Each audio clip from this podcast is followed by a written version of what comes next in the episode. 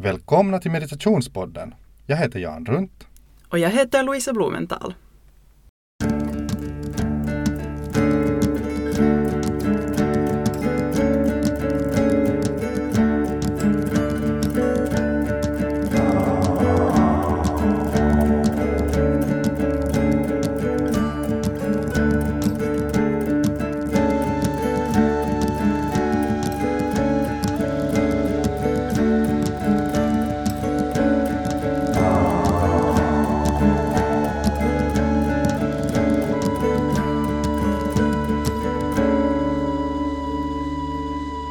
Ja, välkomna.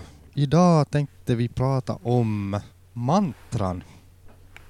Vad har du Louisa, vad har du funderat på? Vi, vi hade beslutat oss för det här redan för någon vecka sedan till banda in. Vad har du hunnit fundera på under tiden? Vad tänkte du att var ska man börja när man pratar om mantran? Ja, no, det här är nu igen det här lilla dilemma som vi har haft inför varje så här kanske lite större ämne. Um, att hur, hur ska vi få ner det till någonting som är konkret och kärnfyllt. Så jag tycker alltid att det lämpliga stället att börja på är den egna erfarenheten.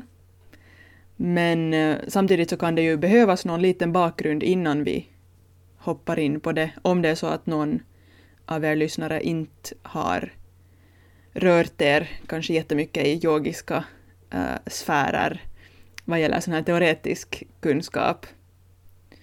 Så kanske någon sån här lite, grundläggande bakgrund på vad mantra är och eh, sen tycker jag att, att absolut från, från den egna synvinkeln fortsätta. Mm. Jag faktiskt, jag gjorde något så, så det där, eh, vad ska vi säga, vardagligt modernt som att jag googlade upp att vad är, vad är, liksom, vad är grunden för ordet tant, äh, mantra? Eh, för att jag kom inte ihåg vad jag skulle ha hört att det är. Och det kom faktiskt alltså, ordet mantra kommer från roten man som då skulle betyda någonting i stil med tanke.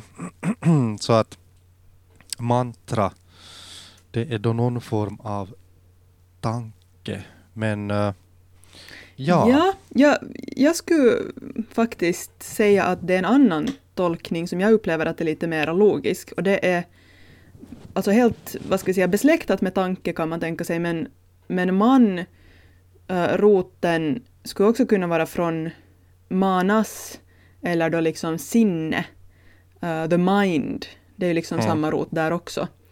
Och då är mantra um, det som frigör en, det som, vad ska vi säga, um, tar en vidare från sinnet. Det som um, ja, går bortom sinnet. Mm -hmm. Det vill säga från trajate-ordet. Men det här är så som en av mina lärare har, har lärt mig det. Det finns säkert som, som vanligt, när de här rötterna har många betydelser ibland så kan man hitta olika tolkningar. Men jag tycker att mer än tanke så kanske just det det är liksom själva, vad ska vi säga, sinneskonceptet vi talar om, eller den, den aktivitet som pågår på den nivån. Mm. Uh, alla har väl hört på det viset, jag menar om någon, som, om nu någon lyssnare, om du lyssnare är, är så här väldigt obekant med uttrycket mantra, så man kan nästan anta att åtminstone så har man hört uttrycket att någon upprepar någonting som om det vore en mantra. Och jag tänker att kanske den, den mest så här mm, grundläggande eller enkla beskrivningen av vad en mantra är, så är ett ljud eller en, en sats med, med några ljud som kanske då bildar några ord. Uh, eller sen också en lite längre, längre det där, uh, till och med flera meningar av ord men hur som helst, en sån ganska så här klart definierad, man går inte att ändra den utan man håller sig till antingen det här ljudet eller den här korta satsen eller följden av ljud eller sen de här några meningar. Och man upprepar dem på samma sätt. Uh, antingen så att man upprepar, upprepar det repetitivt om och om igen eller så att man till exempel om det är en lite längre mantra så kan det räcka med, räcka med att man upprepar den en gång uh, på exakt korrekt sätt. Uh, och som du sa, tanken med det mantra är att åtminstone göra en ändring i hur ens, hur ens sinne, hur ens medvetande är inriktat eller i vilken så här, vad ska vi säga, i vilken stämning, och vi har talat tidigare om stämning det är. Och, ja, har du mm. som vanligt en, en det där, en, så här, en, en bättre beskrivning av detta. Men om man tänker just på riktigt så där, den mest grundläggande definitionen som vi skulle ge. No, jag tänkte jag, jag kan haka på där, för det där tycker jag tar upp två spännande olika sidor av äh, mantra och användande av mantra. Som du sa, det kan finnas korta mantran. Det kan finnas mantran som består av en stavelse eller som du sa, ett, ett ord. Um, och där tänker jag att kanske de mest sådär kända mantrorna för västvärlden, eller det mest kända mantrat kommer in under den kategorin. Och då tänker jag på mantrat om, eller um, om, eller hur man ska uttala det. Um, för att få den här vibrationen tydlig. Um, vi har alltså de här, de här mantrarna som, som kallas för eh, uh, Bija mantras på sanskrit. Jag försöker hitta ett bra översatt ord på svenska för att sådär direkt översatt så skulle man kunna kalla dem för frömantran, men jag tycker att det låter jätte, jättemärkligt på svenska, kanske jag bara är ovan att höra det ordet. Men det är alltså mantran vars ljud inte egentligen... Man yttrar inte dem för deras betydelse, alltså den liksom betydelse vi tillskriver ord. Um, det är alltså inte så att vi försöker Eh, påverka vårt sinne genom att till exempel när man talar om positiv, eh, positiva affirmationer så är det ju liksom betydelsen som man är ute efter, inte ljuden i sig. Om man säger uh, ”jag är glad” så är det ju inte själva orden, eller vad ska vi säga, um, resonansen av jag och är och glad som vi försöker påverka oss genom, utan det är betydelsen. Men till exempel med de här då korta stavelserna så är det inte betydelsen, utan det är vibrationen. Det är det som genom att yttra det här ljudet antingen um, med munnen, alltså hör, hörbart, eller inombords, um, det är den liksom effekten vi vill åt. Medan sen då det finns de här lite längre mantrarna som, som du nämnde, att man kanske då man kan repetera dem också, men vissa är, är liksom flera, vad ska vi säga, meningar långa, eh, och man kan översätta det till svenska som meningar, och då kan det finnas både blandningen av det här att vibrationen i sig påverkar, men sen också det här med betydelse. Och jag tänker att det jag tror att många i början, om man inte har använt mantran förut, och kanske om man kommer från en bakgrund, som du nämnde till exempel, eller har sagt många gånger att du har varit ganska så här skeptisk och, och liksom kritiskt inställd till allting som andas religiositet eller dogmatik, så tänker jag att det kan vara den aspekten av mantra som jag tror kan upplevas skrämmande. Att ska jag sitta liksom och, och tillbe någon gudom eller ska jag sitta och, och prisa någonting här? Är det det som mantra handlar om? Så... Ja. Um, jag tänker att mantran i sig kan användas på just de olika diverse sätten som nu folk har generellt också som uttrycksmöjligheter för sin andlighet.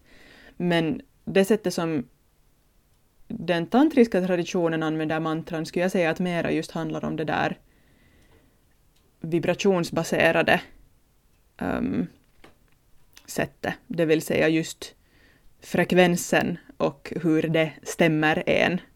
Håller du med om det? Uh, ja, uh, det är väl, ska vi säga, typiskt för den, den tantriska förståelsen av mantran så är just det här att, att se mantran inte lika ofta åtminstone som ord, utan mera då just som, som ljud och, och ljudens funktion. Uh, en sak som jag inte vet om vi nu behöver gå in på just nu när vi just funderar på det här med ljuden och dess, dess påverkan. Men en väldigt viktig aspekt som jag tycker att, att gäller för mantran är också den här, just den här repetitionen överhuvudtaget. Mm. Och, och då oberoende av om det är en repetition var man på något vis uppfattar det som en, en betydelse, att det är ord som innehåller en betydelse eller, eller just ska, ska bringa fram någon viss association. Och så där. Eller sen om det är ett ljud som, som påverkar en, en genom bara ljuden alltså. Uh, men det där, men, men för att, för att ska vi säga sådär, nu hålla oss till det där uh, sättet man brukar använda mantra lite sådär vardagligt i, i västervärlden. Du upprepar det som en mantra. Ganska typiskt för mantran är väl just det att man faktiskt också upprepar, att det är mycket repetition. Att det, mm. Men det kanske, jag vet inte om vi kan återkomma till det, men du har liksom du har bekantat dig ganska mycket med det här med ljud och, och hur ljud påverkar en. Ja, kommer vi in redan på den här personliga erfarenheten i sådana fall. Alltså, för mig har det känts som att, att musik och ljud alltid har varit en lättillgänglig metod för att jag ska känna mig bättre, om vi säger det helt sådär konkret med vardagsuttryck. Um, och jag har funderat på det faktiskt mycket den senaste tiden när jag har haft tid att göra min egen meditationspraxis, min sadhana, just som jag vill. Att vad vill jag faktiskt sätta min tid på och vad är det som funkar bäst för mig? Och mantra... Jag har dels upplevt just effekten av mantra i det som du nämnde, det här med upprepning, det kallas för japa. När man har samma mantra som man upprepar tills på sätt och vis um, man kan dels göra det om, om till exempel sinne just är är vad heter det, aktivt och, och far hit och dit. Om man ska meditera så kan man använda just japa som, som metod för att fånga sinne, vad ska vi säga, eh, styra det, hålla det liksom förankrat. Så det, det är till exempel när jag märker att mitt sinne är rastlöst så kan jag börja en meditation med japa, helt enkelt med mantraupprepning för att det är en så konkret sak för sinnet, särskilt om man säger det högt. Då har du liksom munnen med, du har um, hörseln, andningen kopplas in, um, ljudet påverkar kroppen väldigt fysiskt så att det liksom redan det stämmer också kroppen på ett visst sätt. Det bland annat när vibrationen uh, kommer ut i i stämbanden och, och andningen rör sig där så, så påverkar det vagusnerven som är en, en sån här nerv som är starkt kopplad med vårt parasympatiska nervsystem, så redan det liksom lugnar. Och sen det att du hela tiden hålls aktiv i ditt sinne med den här upprepningen gör att det är svårt för tankar att komma in eller svårt för andra saker. Så det tycker jag är en, en teknik som, som faktiskt i all sin enkelhet är ganska smart, måste jag säga. Och, och då i början just ofta så här med ljud med och sen så småningom inombords för att sen till sist då övergå förhoppningsvis igen meditation som kommer lite mer av sig själv än att man annars måste sitta och kämpa. Så det är en aspekt, det här lite mer, vad ska vi säga, kanske uh, formföljande. Men sen har jag också fördjupat mig i mantra och musik eh, och ljud i andra former. Och, och en av de käraste formerna för mig har, har genom åren varit till exempel kirtan. Då. Så jag tror att vi har pratat om kirtan i det avsnittet där vi pratade om yogans olika former, när vi talade om bhakti-yoga, hängivelsens yoga. Så kirtan har jag känt i sin just fria uttrycksform um, också vara ett helt jätteeffektivt sätt att styra ett oroligt, rastlöst, uh, deprimerat, what not sinne och uh, känslor till någonting som sen hittar en ny ordning, hittar en ny mm, harmoni. Och där, genom ett lite annat sätt eftersom just då dels kroppen kan vara friare och röra sig och uh, det kan finnas improvisationselement, men grunden fortfarande är just den där stadiga rytmiska mantra och sen eventuellt då instrument och annat. Men det är liksom, ja, två sidor av samma mynt som jag ser det, men olika uttryckssätt. Mm. Ja, jag kommer att tänka på uttrycket You have to tie. Det är inte uttryck, det är citat från en, en sångtext. You have to tie yourself to the mast my friend and the storm will end. Det är från en poplåt från 90-talet. Eh, inspirerat wow. av... Ja, och det är inspirerat av en berättelse, alltså den här sångskrivaren det är Richard Ashcroft från The Word. Han var inspirerad av en berättelse han hörde om sjömän som brukar uh, låta snurra fast sig, alltså surra heter det väl på så här sjömansspråk. Surra fast sig alltså med trossar fästas vid masten för att stå ute när det är storm och hållas då fast vid masten. Men jag tycker liksom den bilden är jättefin att, att, och, och jag tycker att den stämmer just in på no, för mig så är det också en bild för just meditation i allmänhet. Men, men också, jag tycker du beskrev det så bra, att det är lite det som mantran kan göra, att det skapar en sån här fast centrumpunkt dit ett oroligt sinne kan röra sig med hjälp av den här upprepningen. Men ja, det, det här blev, precis som du sa, det blev kanske lite hopp till det här som du sa att vi skulle ta, ta det där senare. Men å andra sidan så jag tycker det är helt intressant också att höra så här snabbt här lite i början också, lite mera egna erfarenheter. För jag tycker att du, det vad du sa just visar att hur jättestarkt det kan vara. Vilken stark effekt mantran kan ha. Men om vi återgår till sådär lite genomgång. Så vi var inne på det här att olika former av mantra och vad de, vad de det där, vilken väg man tänker sig att de funkar. Men skulle vi nu borde då titta lite på exempel, just de, ska vi säga, mest sådär grundläggande, eller några bra exempel på de här formerna av mantran. Mm. Och no, nämnde du då, vänta nu, nu kommer jag ihåg, var det så att vi pratade om det tidigare eller nämnde du redan här då aum, om? Jag, jag nämnde det så här väldigt, väldigt förbigående. Ja.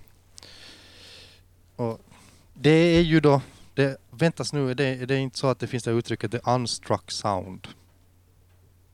Används det för Ja, om? det, det, vad heter det, jag tänker eftersom om ju, ja, det är liksom ursprungsljudet och alltings, vad ska vi säga, ljudet som vibrerar i alltings, um, inte i bakgrund ska jag vilja säga, men i alltings liksom inre och det som genomsyrar allting, den vibrationen. Så Ja, ja, alltså the unstruck sound är ju anahat, men det är ju an, om är ju anahat, om är ju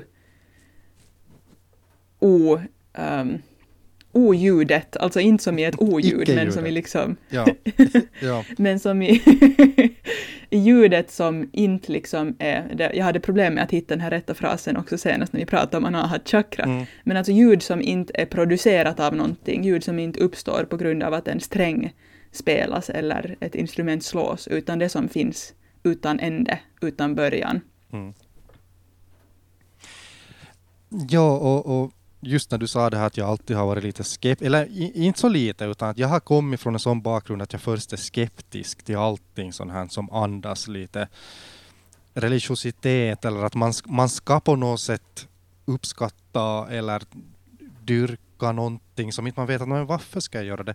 Så jag kommer ihåg att jag var, jag var sådär ganska mycket ett frågetecken inför hela den här om, aum, aum, det där vad ska vi säga, frågan när, jag, när jag började höra om den i, i min så här färd inom yoga.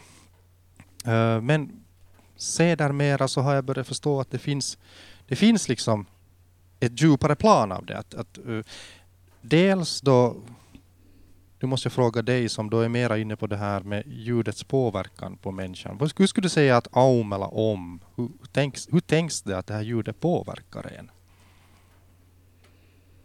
Oj, vilken fråga.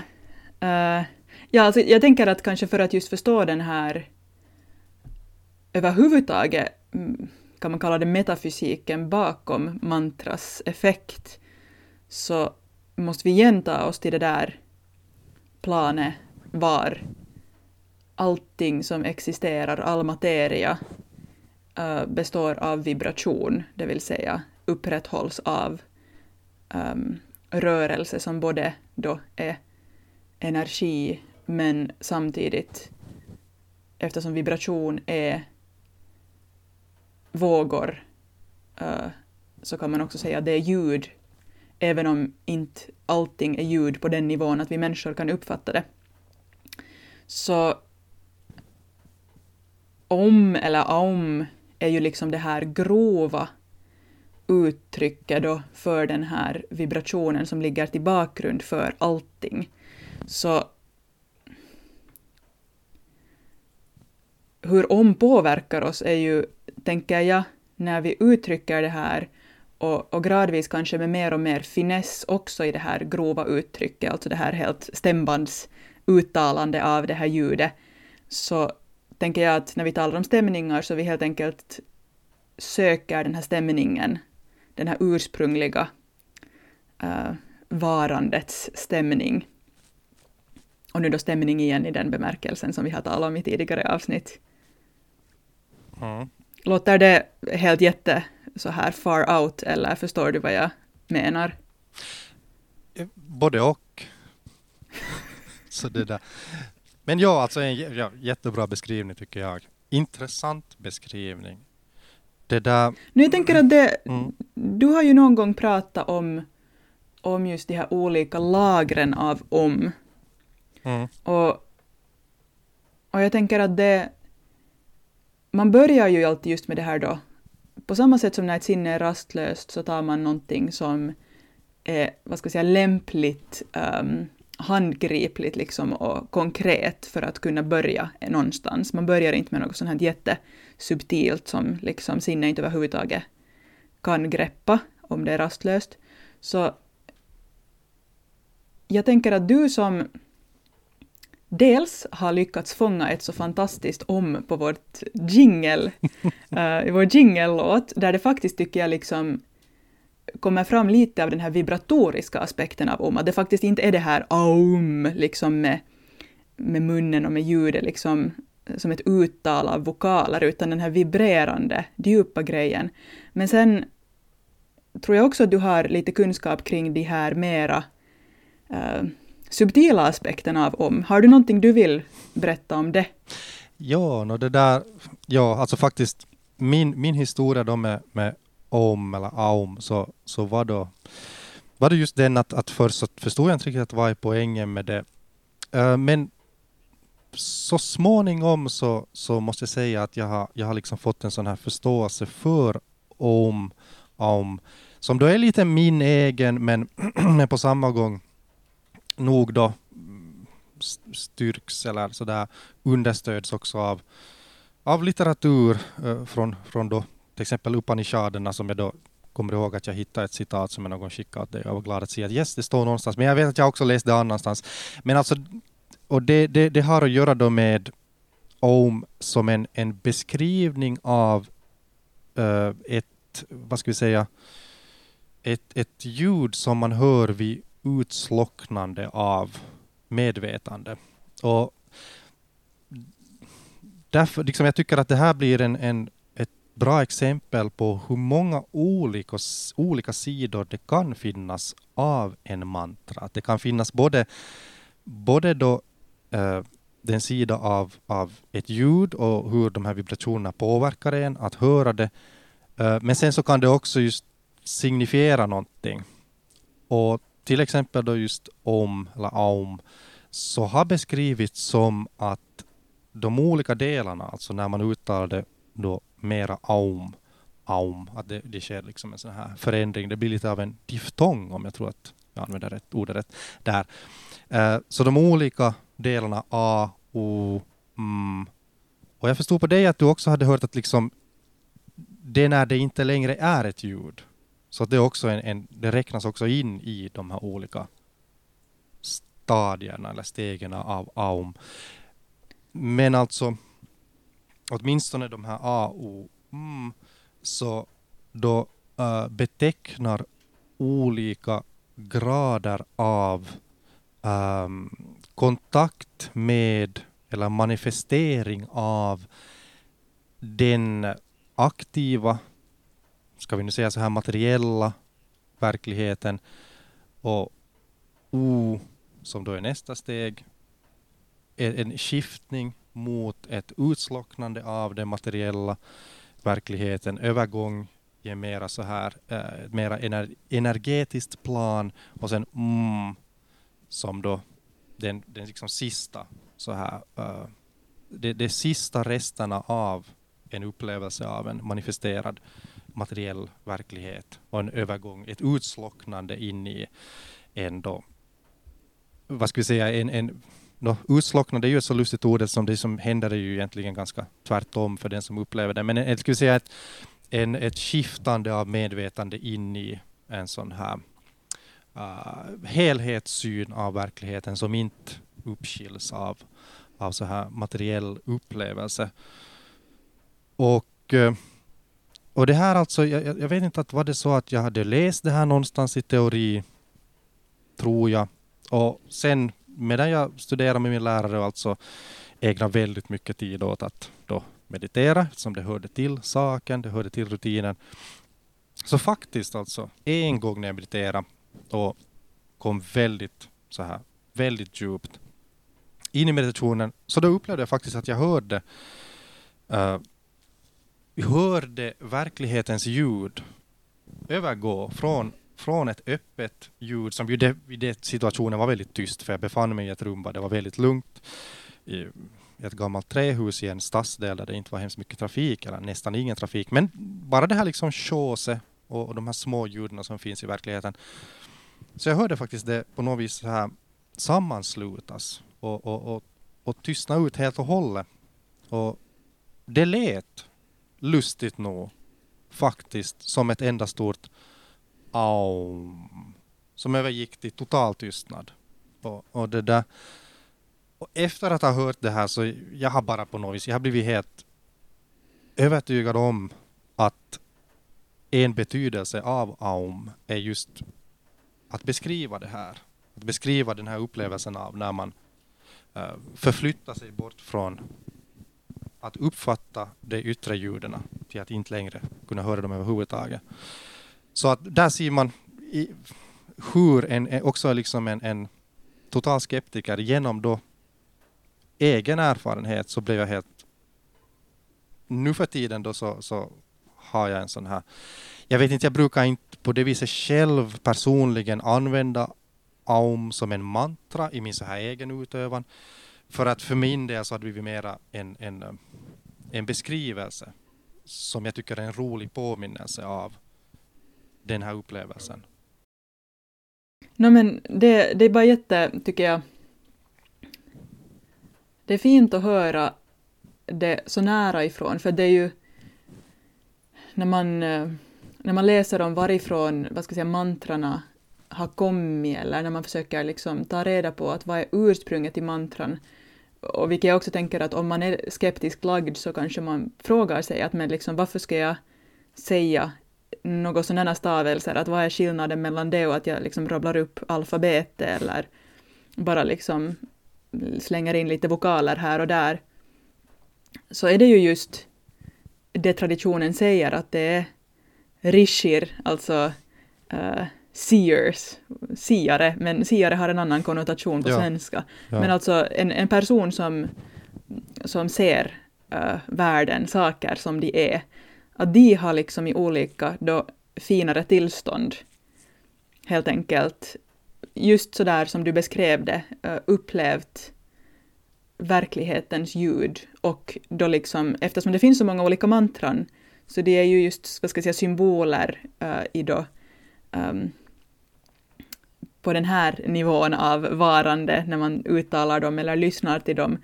Men symboler för just tillstånd som man sen då genom att ta kontakt med det här mantra kan på sätt och vis försöka anknyta till. Så jag tycker bara det, det är så fint att höra den här helt personliga uh, beskrivningen av hur det är. Mm.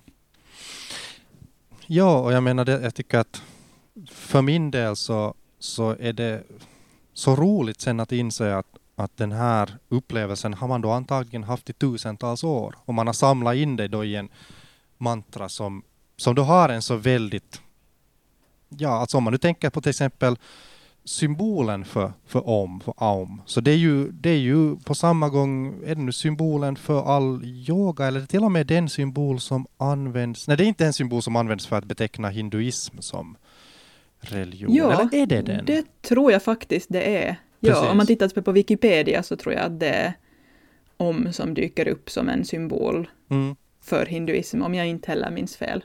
Ja.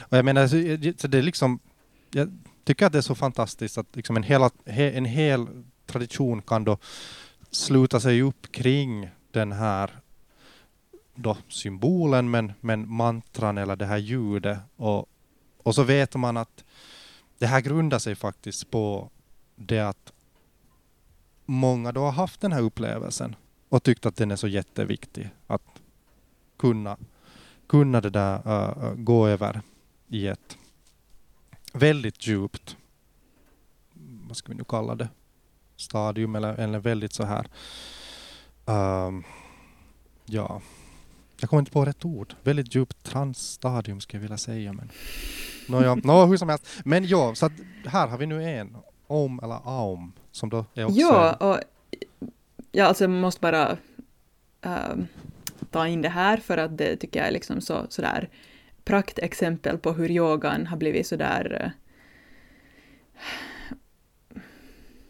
vad ska man kalla det, använd för folks personliga ekonomiska uh, vinning. Jag minns inte vilken av de här yoga imperium-byggarna som vi så ska säga, neutralt försökte kalla dem, um, någon av de här alltså då yogagubbarna som har gjort stora pengar på yoga, um, hade försökt ta patent på om. och jag tror att det var så att, att liksom att då hade Indien som nation sen gått emot det och sagt att liksom det här är inte acceptabelt. Ja. Jag tror att du gör, alltså jag menar, jag tror att du gör lite illa åt din karma i det skedet. jo. Det är liksom eventuellt. Med det där. Mm. Men jag, jag tänker ännu, om vi, om vi fortsätter på om en liten stund, Mm. Um, en, en till sak som jag tycker ju är spännande vad gäller mantran är ju att de traditionellt i vissa kretsar har varit också, när vi har talat om hemliga metoder och saker som man ska liksom, um, som man inte ska yttra offentligt, så har om varit en av de enda, eller kanske till och med den enda mantran, det är ett enda mantrat, uh, som, ska vi säga, har varit så här helt för vem som helst, när som helst, vilken situation som helst, vilka kast som helst. Eh, du behöver inte få en initiering av din guru, du behöver inte liksom... Du kan, du kan alltid gå till om. Ja, och det där är en viktig poäng för att nu å andra sidan, om vi då går vidare och försöker titta på lite andra mantran så finns det ju vissa mantran som ingen av oss kan nämna. För att de hör Mm. till de här mantrorna som inte, inte man det här pratar sådär helt off- offentligt, vad ska vi nu säga, sådär inför en stor publik om, utan det ska i så fall vara i, i mera sådär inte på tu man hand kanske, men åtminstone sådär att det måste vara till en elev från en lärare. Men ja, Jo, jag tänker kanske att framförallt i anknytning till, vad ska vi säga, um, till tekniken eller till situationen eller helt enkelt i rätt uh, sammanhang ja. Ja, precis. Men finns det då, om vi går, om vi går vidare, finns det någon annan mantra som vi kan nämna? Vad är det andra så här, om vi går från om, som ju då är ett, även om det har, även om det kan alltså då tillskrivas, precis som, som jag nu gick lite igenom, att det kan tillskrivas en så här direkt uh, filosofisk betydelse om man går igenom stavelserna en och en, men det är väldigt mycket nog en ljudmantra.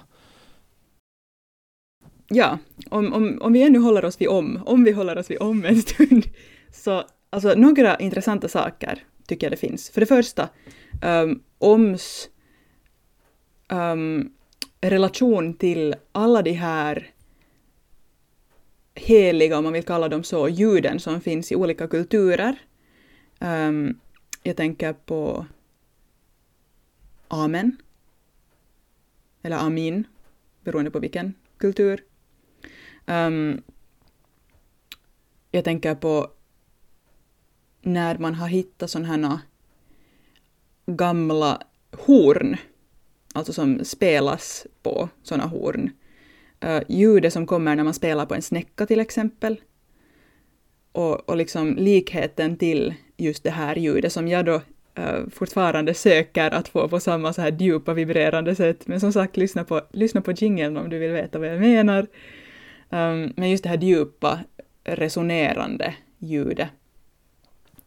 Um, jag tänker på en trummaslag, alltså alla de här liksom olika verktygen som har funnits för att transcendera och vilken likhet de har till om. Det är ju det med, med mantra och, och den här tanken där bakom att det är ju verkligen inte på något som helst sätt isolerat till bara yogatraditionen. Uh, mm. Jag menar dels det att, att antagligen då en, en så här föregångare till yogan så den, den, vad ska vi säga, den version som har övertygat mig mest eh, och då har man förstås hört lite olika variationer av att varifrån till att börja med sprang hela sprang. Jag ingen använder lite engelskt uttryck för att jag har läst om det mest på engelska eller hört om det mest på engelska. Att varifrån... Man kan nog säga så på svenska också. Är det så att man säger att det sprang ur? Att springa okay. ur någonting. Mm. Ja, ja, för att den, det är lite som en källa kan springa ur mm. någonting. Ja. Nej, men att, liksom, att den, den liksom bästa versionen jag har hört om det och, och då kan jag hänvisa till en bok som heter The Hindus som är en bok som kom ut för kanske 6-7 år sedan. Alltså en jätteintressant genomgång av hinduismens historia. Med då också just den, den yogiska sidan av, av hinduismen med.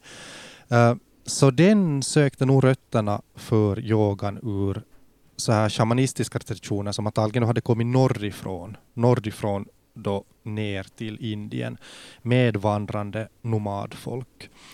Uh, så att just den här den här aspekten av mantra med ljud som repeteras för att förändra ditt sinnestillstånd. Så, så är ju en tradition som vi nog har vandrat omkring. Jag menar om man nu tänker på att, att det finns rötter av det i, i det här shamanistiska tradition, så det är ju någonting som sträcker sig över hela Eurasien mm. egentligen och då sen har hittat olika former i, i alla möjliga olika kulturer. Förutom att det sen förstås har vandrat också ut ur Indien under då senare tid. Då pratar vi om alltså tusentals kanske år sedan. Men, men det där ändå, då när det kanske har fått mera den form det ännu har inom hinduismen, att det också då har vandrat via handelsvägar, till exempel till Mellanöstern och hittat sin väg till, till just judendom och kristendom och så vidare. Så att ja, absolut. Det är jättespännande det här. Alltså det är ju jag tänker att det är ju, sanskrit är ju en av de här språken som anses vara då, uh, när man tittar tillbaka in i, i källskrifter, anses vara perfekta. Alltså liksom har på något sätt den här, den här uh, rätta helt enkelt resonansen eller sambandet mellan just ord och betydelse.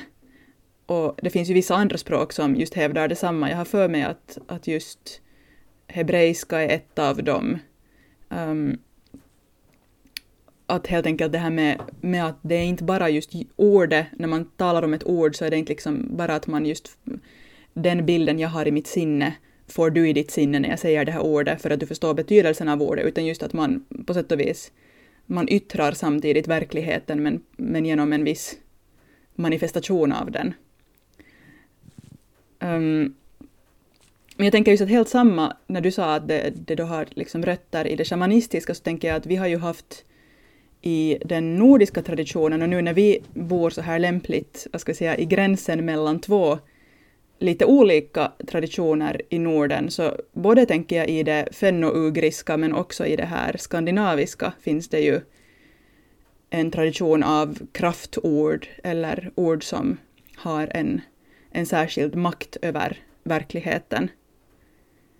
Mm. Det kanske bara är det att, att yogans just mantran har, har nu då senare i, i västvärlden fått sånt liksom fäste, att det är det som människor mest liksom kan eller, eller vad ska jag säga, tar sig till. Och kanske det också att, att de, uh, de här då nordiska traditionerna har, har varit mera försiktiga med att lämna ut det och det har kanske nedärvts i, i liksom direkt nedstigande led eller enbart till någon som faktiskt visar sig ha då en till exempel helares gåvor eller ja, helt enkelt man litar på att den här håller kunskapen på ett värdigt sätt.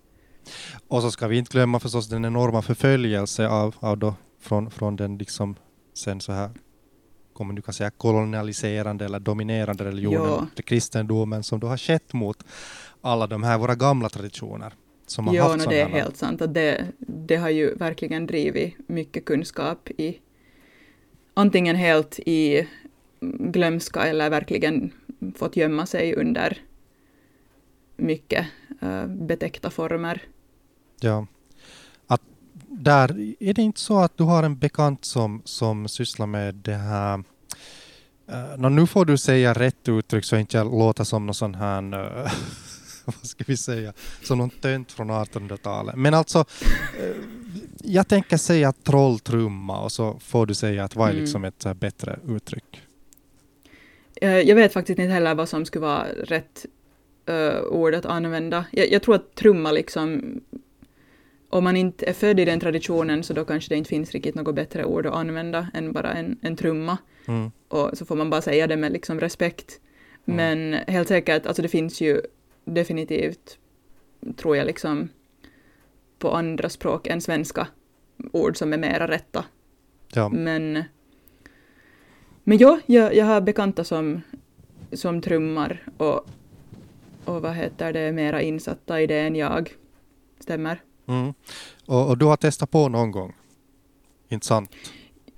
Jag har gjort en egen trumma, um, men det är faktiskt det, det var via den, inte den nordiska trumtraditionen utan mera via den då um, ursprungsbefolkningen på den nordamerikanska kontinenten. Okay.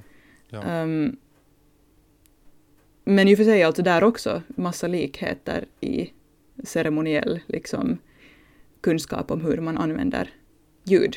Mm.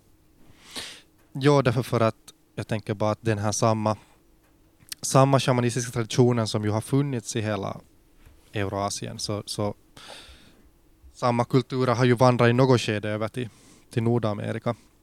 Så jag tror ju nog att det är någonting väldigt allmänmänskligt och, och och det är ju faktiskt det som är det lustiga. Det här för oss tillbaka till en, en diskussion som jag tror att vi har jag tror att jag har refererat till tidigare i något poddavsnitt, men nämligen när en, en äh, äldre bekant till liksom en, en sådär, ska vi säga, in, inte familjemedlem till dig, men nästan, som frågade oss någon gång att varför ska man vända sig till den här österländska traditionen? Varför inte gå till våra egna källor? Så problemet är ju just det här att vi har haft de här egna källorna väldigt starkt här men att, men att det finns inte riktigt på samma sätt kvar. Medan det då just har odlats och hållits jättestarkt vid liv i Indien. Så det är ju därför nu när vi pratar om mantran så vi skulle ju, vi skulle ju faktiskt nu kunna sitta här och prata om alla möjliga uh, mantraliknande ord och fraser som vi då skulle ha fått från vår egen uh, bakgrund och tradition. Men, men vi har tyvärr inte dem för att vi har förlorat dem lite. Det, det finns ju nog säkert till en viss grad kvar. Men... Ja, Ja, nej, det, det tror jag är, är, grunden till en stor, vad ska vi säga, stor törst just i den uh, urholkade västerländska kulturen. Mm. Att det, det finns så lite att luta sig tillbaka på av eget, faktiskt, jag skulle vilja säga folkligt andligt arv, för det finns ju just det här, det här eh, kanske ceremoniella men, men som har varit ganska långt, i alla fall de senaste hundratals åren har det varit ganska långt styrt alltid av en elit och inte så jättemycket av, av den enskilda individen själv. Så ja, vi, vi tyvärr är lite i en sån sits att vi måste söka utåt, eller tyvärr och tyvärr, mm. men mm. Ja, nej, för att jag, nu vet jag, det här, blir, det här, det här blir lite omväg, men jag menar, jag tänker bara på att ja, jag blir nästan lite sådär sentimental när jag tänker på att vad det vi gör, alltså vi moderna yogin, så vad vi gör är ju att vi försöker ju återuppliva, vi försöker ju återuppliva med hjälp då av den tradition som har överlevt. För att man tack och mm. lov då i, i, i det här landet, eller den här egentligen nästan då lilla så här det heter ju subcontinent på engelska, lilla liksom mm. delvärldsdelen, så har man tvärtom då helga och verkligen höjt upp den här traditionen till liksom det, det allra bästa. Så att man har hållit den jättekraftigt vid liv. Så att vi yogi, vad vi försöker göra är att, att vi vill ju inte förändra på något sätt. Uh, vill, det är ju inte det att vi vill förändra Finland till Indien. Det är ju inte därför vi hämtar in alla de här inslagen, utan det är ju därför att vi vet att de här metoderna eh, har varit bra för människor överallt. Och vi måste helt enkelt hämta det från en tradition var det ännu finns jättestarkt vid liv och försöka då återuppliva det här i, i vår del av världen. Och, och, ja, och det, ja. det kommer ju med sina, sina utmaningar. Just det här att, att vi hämtar in saker. Jag förde den diskussionen inte för jättemånga dagar sedan med en nära vän om just det här att när man då å ena sidan har den här friheten att liksom välja och vraka bland traditioner, så hur håller man ihop någonting så att det fortfarande bibehåller sin kraft? Mm. Och det, det tänker jag jämföra oss tillbaka då till det här att varför till exempel mantran äh, har getts vidare muntligt från lärare till elev. Och det var jag också jätteglad för när jag, när jag just gjorde min trumma. Så hon som, som höll i hela det ceremoniella så hade fått mm, tillstånd att göra det av, av sin lärare Rainbow Eagle som, som i sin, vad ska vi säga, um, tradition, han är Okla Cocteau om jag uttalar det rätt, liksom har fått också tillstånd att vara den som för vidare det. Så på sätt och vis liksom just att, att när man till exempel då får ett mantra så att minnas att det kommer ur någonting där det har funnits mera kunskap än vad som nödvändigtvis visas direkt på ytan. Och inte så att man måste vara rädd när man använder saker, för det tycker jag också att sen det kan komma de här liksom skrämselpropagandorna. Men bara att vara medveten om att det antagligen finns något gryn av sanning i det som sägs. Mm. Ja, eh, med detta så här med den här lilla omvägen. Jag tänkte nu, jag bara måste nämna det, för när du sa att nu ska vi sluta om det här prata, och prata om det här, så jag sa ju att nej, vi ska inte... No, till exempel det att aum så, så innehåller ju A och O. Och vi som nu har, har lärt oss vår kristendom så kommer ju ihåg uttrycket när Gud, är det, är det, är det, liksom, är det är ord som sägs, sätts åt Gud eller, eller är det Jesus? Nu måste du som kanske vet bättre, jag är A och O, eh, början och slutet. Och, ja, alfa och omega. Precis. Ja. Ja, det är, ju, det är ju också spännande att det just är, är de vokalerna. För det kunde ha varit I och E, men det är inte. Ja, fast däremot så, då, vänta nu, nu måste jag faktiskt påminna mig själv. Um, det är nämligen alfa och omega är ju grekiska. Uh, och om jag nu inte minns fel så är det um, alfa är första bokstaven och omega är sista bokstaven i det klassiska grekiska alfabetet. Så det är liksom därifrån. Att liksom jag är början och slutet. Jo, jo, förstås, men är det sen en slump att de råkar vara i början? Nej, vi ska gå vidare. Det, här, det, är, det, här, det, här blir så, det är sånt här som just yogin sen brukar börja sitta och fundera på när de blir lite för så här vad ska vi nu säga? I sitt huvud. Ja, out there. Nej, men det där, om vi nu går tillbaka från, om vi går tillbaka från om, tillbaka till Indien, så det där, um, om vi skulle ta ett helt, helt annat, inte vet jag om det är helt annat, men ett annat exempel uh, på en mantra som folk kanske har hört om och kanske har en viss bild av, no, nu vet jag inte, det beror ju på, men jag menar man kan kanske ha fått en sån här viss lite sådär lustig bild av, men jag tänker på uh, en mantra som går så här. Jag kommer nu säga hela mantran, det här är alltså en lång mantra. Uh, hare Krishna, Hare Krishna, Krishna Krishna, Hare Hare, Hare Rama, Hare Rama, Rama Rama, Hare Hare. Uh, det här är då de som brukar kallas för Hare Krishna-rörelsen, men det korrekta uttrycket är väl att de är... Uh, väntas nu, det är inte shaivitar. Är det shaivitar? Vaishnavitar. Vaishnavitar, ja. Shaivitar är närmot en form av tantriker, sorry. Det där är Vaishnavitar, ja. Det, det är det korrekta uttrycket, de är Vaishnavitar. Um, det här är deras mantra, den är ju väldigt annorlunda från om, uppenbarligen.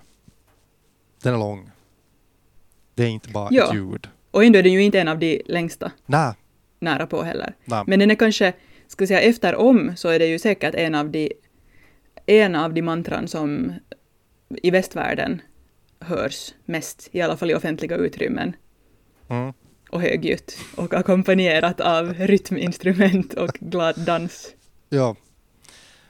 Uh, jag tycker nämligen att det finns vissa element, alltså jag måste säga att jag då själv personligen, jag har börjat tycka om den här mantran, alltså den hör inte till min tradition ursprungligen, utan jag har bara uh, någon gång så har jag uh, det där, börjat lyssna på den. Eh, det finns särskilt en version som alltså bandades in med hjälp av George Harrison. George Harrison från Beatles, han blev ju alltså jätteintresserad av vaishnaviterna. Han var väl nog själv helt så aktiv utövande vaishnavit. Så han lät dem då komma till Beatles studio och så bandade han in tillsammans med den. Alltså det var, ju, det var ju då en ganska så här nybliven internationell rörelse. Så han lät den banda in en skiva och den blev alltså, jag tror att den kom på till och med alltså, uh, den blev på topp, på toppen av den här alltså, vad heter det nu, topp top 100 så här pophits i England då när den kom ut någon gång 69 eller 70. Och den versionen så råkade jag bara någon gång höra på för jag tyckte det var så lustigt. Jag hade, tror jag läst då om uh, Prabhupada, uh, Prabhupada, alltså då Shri Shri Prabhupada, han som grundade den här moderna Hare Krishna-rörelsen. Så hörde jag på den här sången och det, där, jag, det tyckte jag bara var så catchy. Men eh, så att jag, jag, jag brukar faktiskt sjunga för mig själv ibland den här mantran. Um, men alltså poängen med den tycker jag att, att där visar det lite på hur det kan hjälpa att få Alltså liksom olika funktioner som en mantra sen kan ha, om man tänker liksom mer sådär som meditationsteknik, just japa som du nämnde. Nämligen det att den här mantran är ganska lång och att den dessutom innehåller sina variationer gör att du måste verkligen koncentrera dig för att inte tappa bort dig. För att mm. även om det lät som att jag lite nu bara slumpartat skulle ha sagt ibland Hare Krishna, ibland Krishna Krishna. Så det är en exakt alltså upprepning. Du ska alltid upprepa den exakt på det sättet. Att det först kommer Hare Krishna, Hare Krishna, sen kommer det Krishna Krishna, sen kommer det Hare Hare, sen måste du säga Hare Rama, Hare Rama, Rama Rama, Hare Hare. Och det är ganska svårt att upprepa det här om och om igen om tankarna börjar flyta iväg någon annanstans. För du tappar mm. väldigt snabbt bort dig. Uh, så jag skulle säga att, och den, om jag nu har förstått rätt, alltså jag har nu jag har försökt läsa och jag har också pratat med Vaishnavitar, alltså sådana som är är med då i Hare Krishna-rörelsen. Jag har också varit faktiskt och, besökt dem. De har ju ett tempel då i Helsingfors. Ett, ett väldigt så här mysigt ställe. Jag har varit några gånger på deras puja, deras så här, där man sjunger då bland annat den här mantran om och om igen och dansar och, och så där. Och så där jag pratar lite med dem och jag har nog förstått som så, du kan säga om du själv har en annan bild, men att i deras meditation så är japa väldigt viktigt. Att man upprepar faktiskt mm. just den här mantran då väldigt många gånger, en viss mängd gånger som är ganska stor. Det är en ganska liksom lång upprepning av den här mantran om och om Jag tänker att det klassiska, eller ett av de klassiska uh, japa-talen är ju 108. Mm. Jag är inte säker på om det, om det är det de har. Det kan ju också vara olika delar av 108 eller, eller 108 gånger olika jag siffror. Tror, jag tror att det är just så att det är 108 gånger en viss siffra som du ska mm. upprepa det. Så det blir nog alltså någon timme du upprepar om och om igen. Hare, ja. Hare Krishna, Krishna. Och det där... Uh, no, men, ja. När, när du upprepar det här, vad, är det bara just för den är, det liksom, den är svängig eller sådär uh, catchy eller är det... det? Det är just, jag skulle säga att jag tror att det åtminstone är tre funktioner som jag får ut av den här mantran. Och då, då alltså så så kan jag, då, jag kan liksom berätta det här öppet för det är inte min meditation det här. Min, min meditationsmantra så skulle jag då inte nämna här. Men det här är någonting som jag då gör i andra stunder när jag vill komma in i en sån här bra stämning. Uh, och det där, så det ena är just det här att det tvingar en verkligen att hålla den här koncentrationen. Du kan inte börja segla iväg för att då tappar du bort dig. Och sen det andra förstås den här bra melodin. Om det är så att jag just uh, håller mig till till exempel den här melodin från, från inbandningen. Uh, det finns ju massor av melodier. Eller om jag hittar på en egen trevlig melodi som jag just då håller mig till. Uh, av någon orsak så brukar det då oftast bli ganska positiva melodier för att jag associerar så mycket det här till den här glada stämningen som det brukar vara när man, när man sjunger Hare Krishna.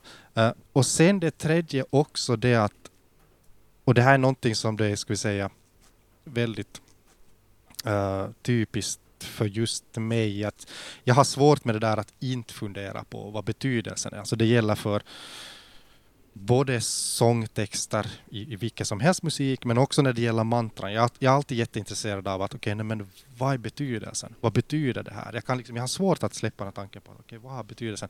Så för mig så är det också just betydelsen av de här orden. Alltså det är ju en... Eh, det är ju... I princip så kan man säga att det är en hyllning till olika former av no, det heter Vaishnavit därför för att Krishna är en manifestation av Vishnu. Eh, som då kan vara förvirrande. Att det så att, varför heter det inte Krishnavit? Varför heter det Vaishnavit? Varför ska man göra det så krångligt? Men det är då därför det, det heter Vaishnavit. Därför för att man tänker sig att Krishna är en manifestation av Vishnu. Och allt vad gäller de här indiska gudarna så, så no, vi ska kanske inte gå in på det, för det är ett väldigt stort ämne. Men man kan alltså alltid också, eller jag ska inte säga alltid, för det är ett otroligt stort uh, det där um, spektrum. Uh, men ska vi säga så här, till den mån jag har bekantat mig med de, de indiska gudarna och den indiska så här mytologin så, så kan man förstå de här olika skepnaderna som också olika former av att beskriva uh, verkligheten och då kanske främst verkligheten som är bortom uh, just den här vardagliga materiella verkligheten.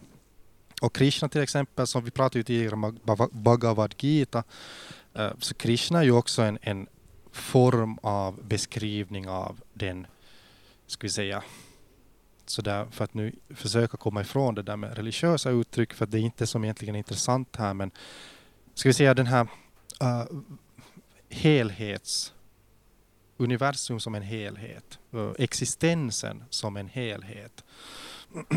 och det där eh, så på sätt och vis så för mig så kommer då alltid också in den här tanken om att, att det är det som mantran handlar om.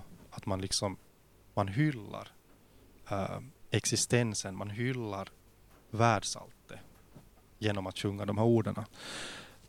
Så att det är liksom bara där, där ser man att bara den här ganska enkla sist och slutligen mantran så, så innehåller då åtminstone tre olika funktioner. Mm. Hur är det med dig? Har du någon mantra som du kan sådär dela med offentligt? Som du tycker att har, har liksom en bra funktion för dig? No, nu, nu tänker jag att när vi nu en gång um, tog Krishna här, så då för att få lite balans så kanske vi också måste ha med Shiva. Okej, okay, det är bra. Um, jag måste säga att jag, jag, tycker att till exempel Om Namah Shivaya är en ganska kort och koncis och också fungerar bra i olika melodier. Um, och jag, jag, tänker att kanske vi då på nytt måste helt enkelt konstatera att det här med, med att förklara vad ska jag säga, manifestationen av, av existens genom olika då, om man vill kalla det gudomer, skulle kunna vara ett eget avsnitt igen, men, men på samma sätt som Krishna uh, har en viss symbolik så har också Shiva en viss symbolik. Och då just... Det här är ett mantra som kanske jag inte liksom tar som det första om det till exempel skulle vara kirtan med människor som inte har sjungit kirtan förut, just för att det finns så starka konnotationer kring till exempel Krishna eller Shiva. Och människor kanske har just bilder av att nu är det nu är det sådär att statyn åker fram och sen kommer gi um, ehm, hällningen och smörjningen och blommorna och allt det. Um, så kanske just jag, jag skulle då hålla mig till lite mer sådana neutrala, så att säga, mantran. Men, men annars tycker jag det är en, en trevlig en. Och um, Jay Matakali, också en kraftig, um, kort. Så jo, jag, jag har inte heller någonting emot på det sättet att använda, ta dem i min mun, de här mantrarna som har, har de här olika um, då, aspekternas namn uh, med. Men lite nog som du, att jag, jag, behöver jag behöver antingen tänka dem som vibrationer eller sen för mig själv ha en tydlig uppfattning om vad det är jag så att säga frammanar eller försöker liksom rikta min uppmärksamhet mot. Att det just inte blir en nidbild eller en schablonbild som jag liksom sitter och försöker repetitivt uppväcka. Mm. Ja, och det är väl nog just det som jag tänker mig att, att kan sen vara det här som känns väldigt främmande för en som inte är insatt i ämne eller inte kanske van att, att jag tror nästan att det handlar om att vara insatt, för att sen när man är insatt i ämne på ett djupare plan och, och liksom just har förstått att okej, okay, det här Krishna som jag då har sett bilder på med, med olika hattar på i någon sån här stridsvagn och så vidare. Så att det, det, att det liksom också sen då betecknar någonting helt annat som är, är för, förståeligt och som är relevant för precis alla människor. Bara man går förbi det här planet av mytologi och främmande namn och sånt här. Så, så det där alltså, så det, det är väl just kanske det som annars kan kännas väldigt främmande. Att, men varför ska man sitta? Varför ska man sitta som ung eller no, inte så ung västerlänning i mitt fall. Och, och det där och på något vis hylla någonting mm. som är mm. så främmande som det här. Men, men, det, men det kräver ju just, ja. det kräver ju bara en, en sån här, vad ska vi säga, en förståelse av, av just som du säger, vad är bakom de här symbolerna. Mm. Och, och har man tid och möjlighet så är det ju antagligen någonting som skulle, vad ska vi säga, vara värt att till exempel då om man sjunger kirtan, bara liksom adressera innan man gör det.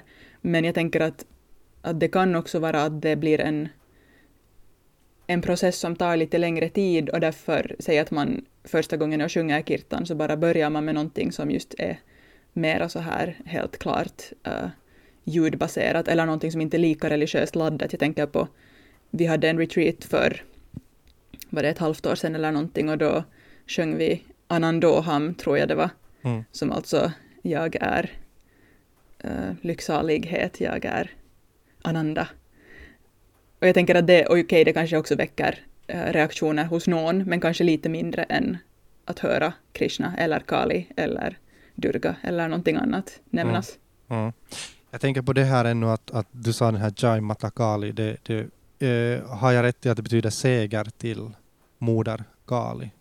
Ja. ja, så jag menar det kan ju vara hemskt sådär kännas lite främmande men, men själv så gör det mig bara jätteglad att höra. Det, ja, visst. Ja, så att, man är nu, man är nu lust, lustig på det viset. Men det där... Uh, och sen, ja, alltså sen riktigt långa mantran. Jag kan inte någon sån här riktigt lång mantra utan till. Måste jag säga. Jag kan några som, okay. som en indisk vän lärde mig när jag, jag vad heter det, lärde känna en, en yogalärare. Så faktiskt ur samma, samma tantriska tradition som jag, eh, men som hade gått sin utbildning då i Indien. Eh, och, och sen tror jag att han också faktiskt var brahmin, vilket ledde till att han då hade en hel arsenal av mantran i sin bakficka. Så han lärde mig några. Men jag, jag, jag känner inte att jag har liksom så pass bra koll på vad ska vi säga, den ceremoniella kontexten, att jag vet om de är liksom så här lämpliga för podd uh, recitation. På sätt och vis så tänker jag, och det var också vad jag lärde mig under min liksom huvudsakliga då, eller längsta yogautbildning, lärarutbildning, att just inte fokusera på betydelsen, inte liksom sinnes, vad ska vi säga, associationerna utan, utan ljudet och vibrationerna. Det tycker jag på sätt och vis är just rikedomen med att om man har ett analytiskt sinne som hela tiden vill hitta förklaringar, att inte kunna till exempel då sanskrit så pass bra att alla ord direkt har en betydelse. Um, på det sättet har jag också använt vissa av de här då vediska mantrorna som jag lärde mig i just ett sånt här jätte, vad ska vi säga, fritt tillstånd där jag inte har någon betydelse knuten till det. Och det vet jag ju att man säger om till exempel då om, om vi igen tar upp det mantra, att, att man ska inte försöka. Just det mantra så ska du inte liksom försöka hitta en förklaring till på det då mentala planet. Mm. Det där och, och just det här du sa om analytiskt sinne så jag tänkte att det också det visar också på just rikedomen i det att det finns de här olika uh, olika längdernas olika så här komplicerade mantror, ända från de här riktigt då långa som skulle kunna upplevas som att det ja, lite liksom kanske påminna om en bön för att det är ganska lång, så här, ska vi säga, många strofer efter varandra. Eller som också sjungs helt som sångtexter. Att man kan tänka sig att det är en sångtext till exempel. Uh, och sen då ända till de här kortare fraserna och sen till de här liksom bara ljuden. Att till exempel, just som jag nämnde, då den här eh, Uh, no, den kallas för Maha-mantran, men det, är ju då, det betyder den stora eller den liksom mäktigaste mantran. Men det, förstås, den, den är ju Mahamantra för just då vaishnavitarna, för det är deras, uh, det är deras Maha-mantra, men vi brukar ändå så där uppskattande kalla den för det, för mig själv. Uh, så till exempel så kan jag då börja med att upprepa den, eller sjunga den för mig själv, fast inne i huvudet bara. Eh, och sen när mitt så här medvetande, mitt sinne har blivit ganska så här stillsamt eller, eller liksom då, kommit in i en någorlunda meditativ, meditativ stämning och jag märker att okej, okay, men nu börjar det ju vara så där ganska skön balans. Så då kan jag övergå till den mantra som jag använder i min meditation, som sen mm. igen då är mycket enklare och, och består av mycket mindre uh, ljud. Mm. Att det är liksom en sån här utveckling. Så jag, jag själv tänker att det, liksom, det, det, det är en jätte... Alltså det är jättefin, fin på något vis rikedom. Att det finns de här olika graderna, olika skalorna av mantra. Och det, det, det, har vi väl inte ens nämnt, liksom just de här traditionella sätten och, och till exempel då göra japa på. Att man börjar alltid från det grovaste. Jag tror jag lite sådär touchade på det där mm. tidigare. Mm. Men då, då kan det göras också genom att skriva ner mantrat. Ah. Att du med liksom stor omsorg så skriver du mantra um, repetitivt tills liksom då handens rörelse och det du skriver och ditt sinne, liksom allting är ett. Sen kan du gå över till att säga det högt och sen när det liksom kommer nästan naturligt så sen inte säga det med munnen utan bara inombords tills det liksom upprepar sig själv då det är det som kallas ajap, ajap, upprepning utan att upprepa det. Och sen till sist då det, vad ska vi säga, det tysta mantra, just det som... Och där kommer vi in på, på en övning som jag tycker har varit jätte, jättespännande att utforska. Alltså nada-yoga, som jag tror jag nämnde i något avsnitt sen. Um, när vi talade om... Var det just om stämningar och vibrationer, månne? Ja, det var nog det. Alltså ljudets yoga så, så gjorde liksom beteckningen, alltså mantra skulle man kunna säga att hör till nada yoga, men, men också en övning där man sen lyssnar till, till då anahat eller till det, det ljudet som ligger bakom. Vilket man också kan göra just med, med mantraupprepning, att när man till exempel har sagt om antingen första högljutt eller sen inombords, så sen till sist lyssna istället till ljudet av om.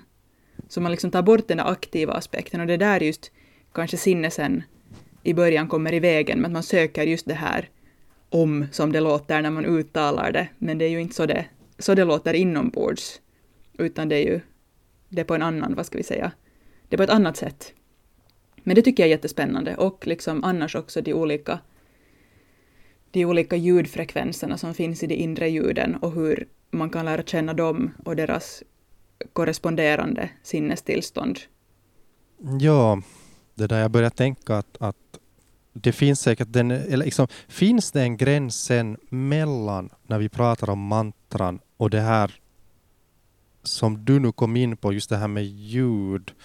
Äh, det vill säga, är, är, är sen alla ljud som påverkar en på olika sätt, är det också mantran eller finns där en gräns till vad det bara är olika former av ljud?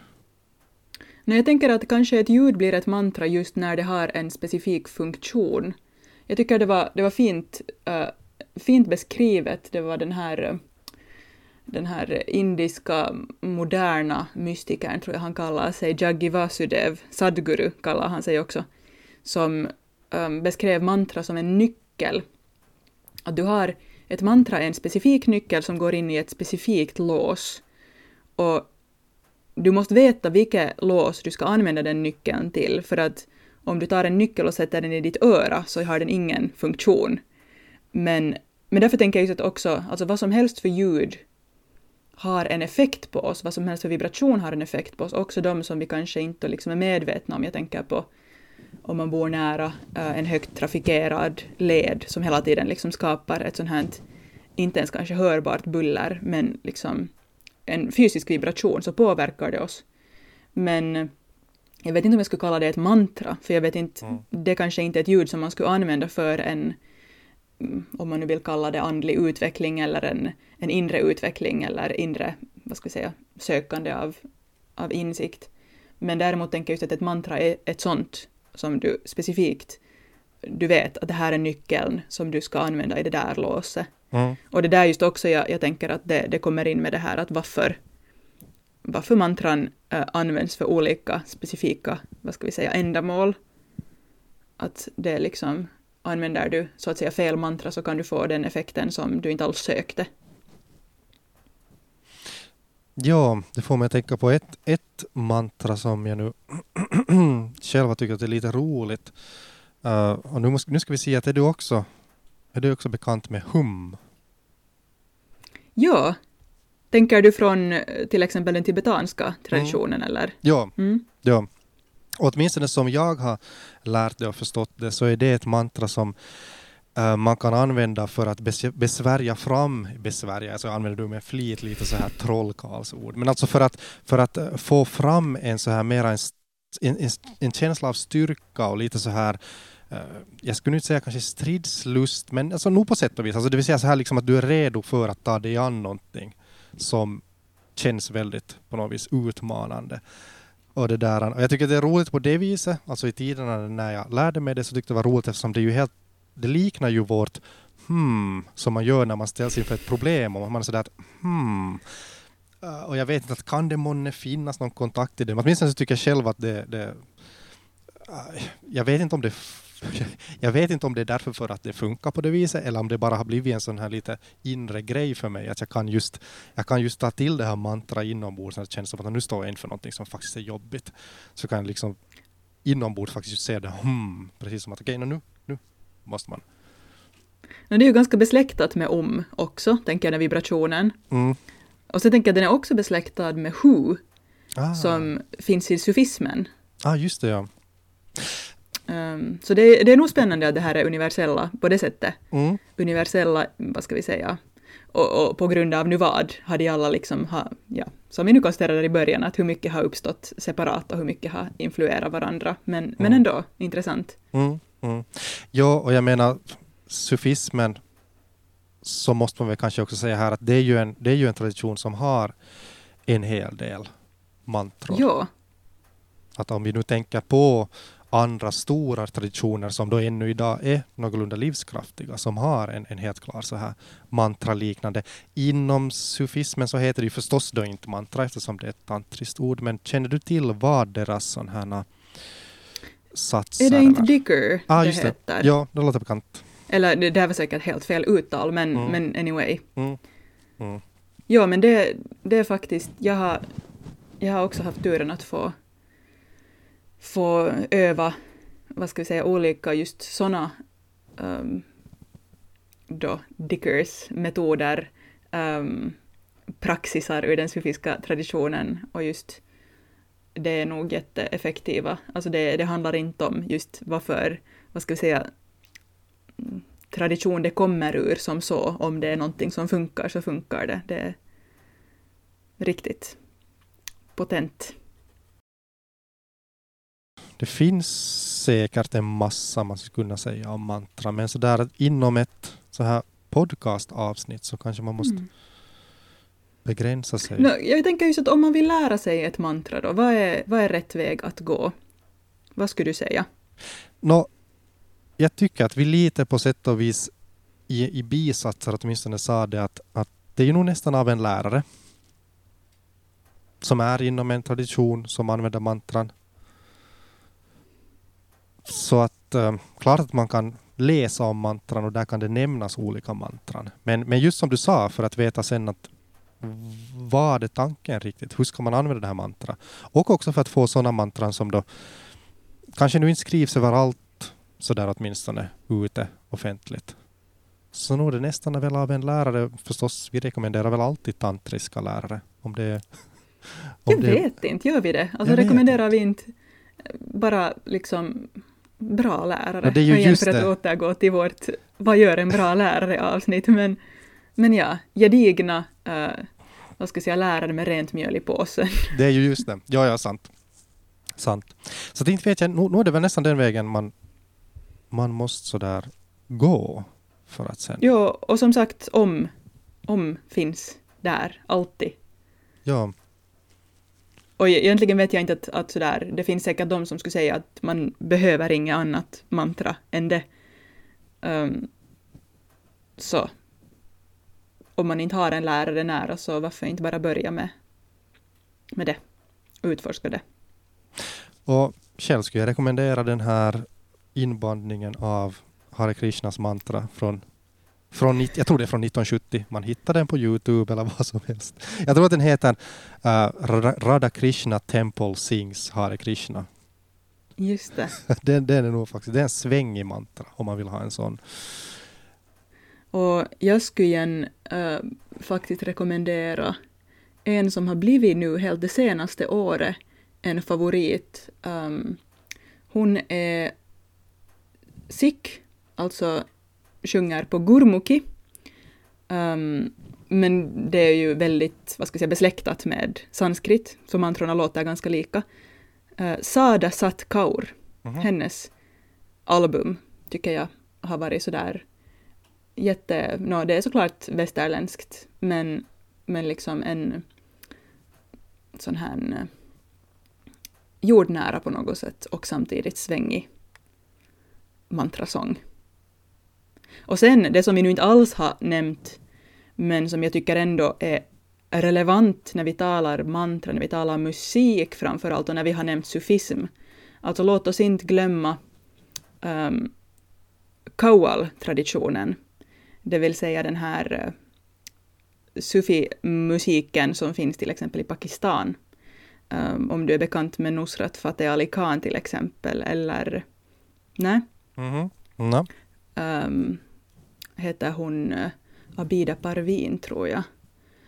Alltså, huh, det, där är det liksom, i den traditionen så använder man ofta poesi som grund till då sen musik. Men jag måste säga där där blir det ju en blandning av det här just med mening och uh, ljud. Och jag skulle säga det, jag skulle inte kalla det mantra, men jag tycker ändå att när det är så liksom, vad ska vi säga, uh, sublima saker som, som händer, speciellt just med Nusrat Fateh, alltså wow, mm. lyssna. På tal om sånt som inte är mantra så jag kommer att tänka på Koan. Traditionen. Och den är ju på sätt och vis det är ju nästan lite som antimantran, men ändå på samma gång lite mantra också. Alltså jag menar, jag vet inte om vi ska behandla det här nu, men, men jag tänker att det kanske andra, alltså det, lyssnaren kanske, du lyssnare kanske har hört om koans som då används mycket inom zen-buddhismen. Mm. Och det är ju, jag tycker det är jätteintressant det användning av koan och att det inte på samma sätt finns inom, mm. inom det där, den indiska versionen, traditionen. Jag tänker att det, det tacklar ju sinne på ett annat sätt. Vad ska jag säga, det tacklar ju sinne genom sinne, tänker jag, mm. på ett plan. Ja. Um, men, men absolut får det vara med.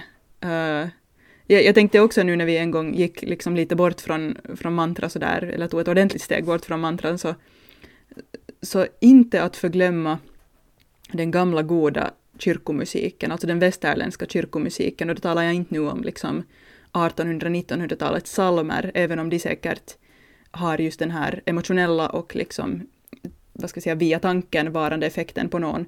Men jag talar om alltså kyrkomusiken där den tiden när det ännu, vad ska vi säga, var fokus på just toner och vokaler och stämning.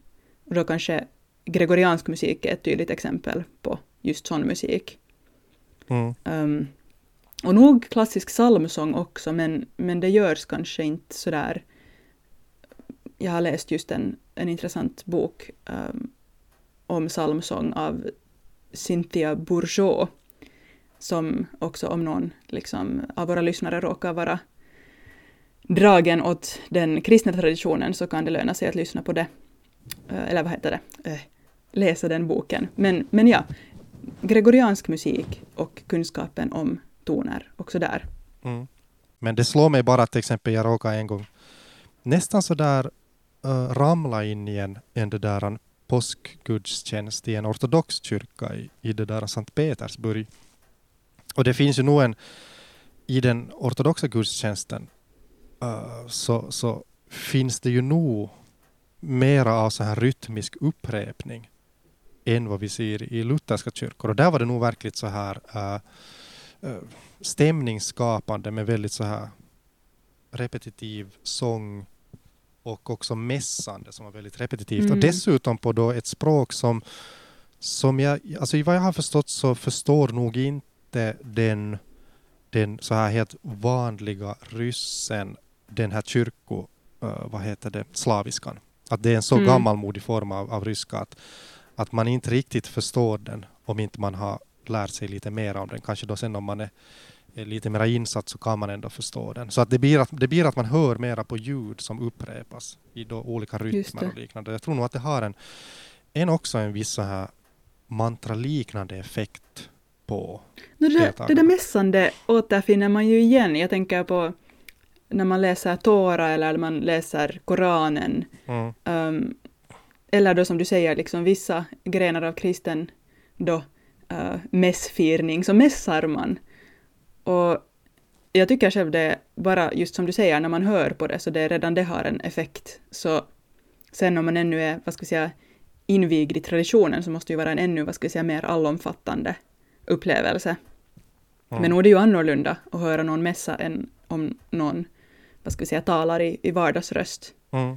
Sen mm. kanske igen folk kan ha reaktioner på det, men, men ja. Mm. Jag tycker nog att vi fick en del sagt. Det lät som att vi visste någonting om det här åtminstone. ja, ja no det, det finns massa mer att säga och hoppas att vi i något senare skede kan ta upp det som nu blev lite sådär halv, halv, vad ska vi säga, bara lite så här nosat på.